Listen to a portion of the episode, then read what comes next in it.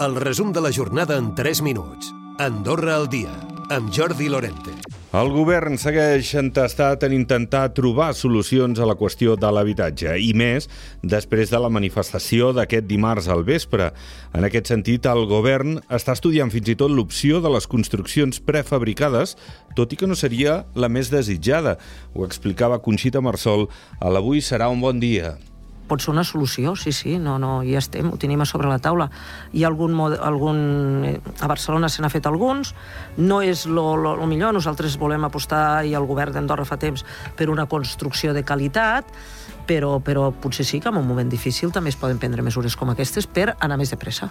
Marsol també ha afegit que els concursos públics per construir habitatges seran oberts a empreses de fora davant la manca d'implicació dels privats del país i ha reconegut sentir-se afectada per les consignes en contra seva dels manifestants de dimarts. I més sobre l'habitatge. Concòrdia convoca un ple monogràfic al Consell General per parlar d'aquesta situació. Ho fa amb el suport del conseller general no escrit Víctor Pintos.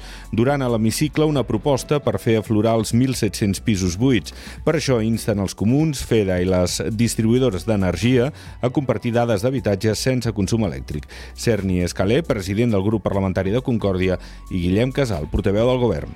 En aquest debat, Concòrdia presentarà un pla de xoc de mesures sobre l'habitatge i una de les mesures d'aquest pla de xoc serà l'obligació de la posada al mercat dels pisos buits. Espero que aquesta proposta que prové del grup parlamentari de l'oposició, de Concòrdia, el grup parlamentari de majoritari de l'oposició, doncs sigui amb la voluntat d'aquest consens eh, polític que va eh, exposar ahir al cap de govern i no vulgui respondre a una situació de eh, treguer-ne rèdit polític, no?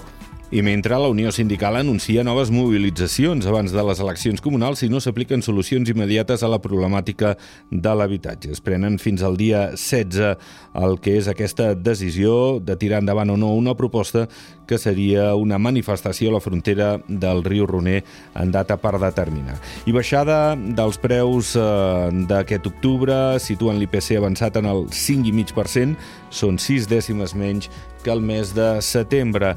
I el 14 de novembre començarà la derivació inversa a urgències, amb la voluntat de descongestionar el servei d'urgències, especialment en temporada alta. Guillem Casal, portaveu del govern. Al servei d'urgències hi arriben unes 44.000 eh, persones eh, anualment, d'acord, de les quals 10.000 podrien eh, someter-se o adherir-se a aquest servei de derivació inversa, el que representa al voltant d'unes 25 persones al dia de les 120 més o menys que rep cada dia a, a urgències. I el Comú de Canillo aprova per unanimitat presentar un recurs administratiu davant el Comú d'Encamp en referència a l'edicte que estableix la concessió a Saeté de la zona Pas de la Casa Pic del Maià Grau Roig. El Comú d'Encamp, de la seva banda, diu que tot està bé i que no hi ha invasió de terreny. Recupera el resum de la jornada cada dia a AndorraDifusió.d i a les plataformes de podcast.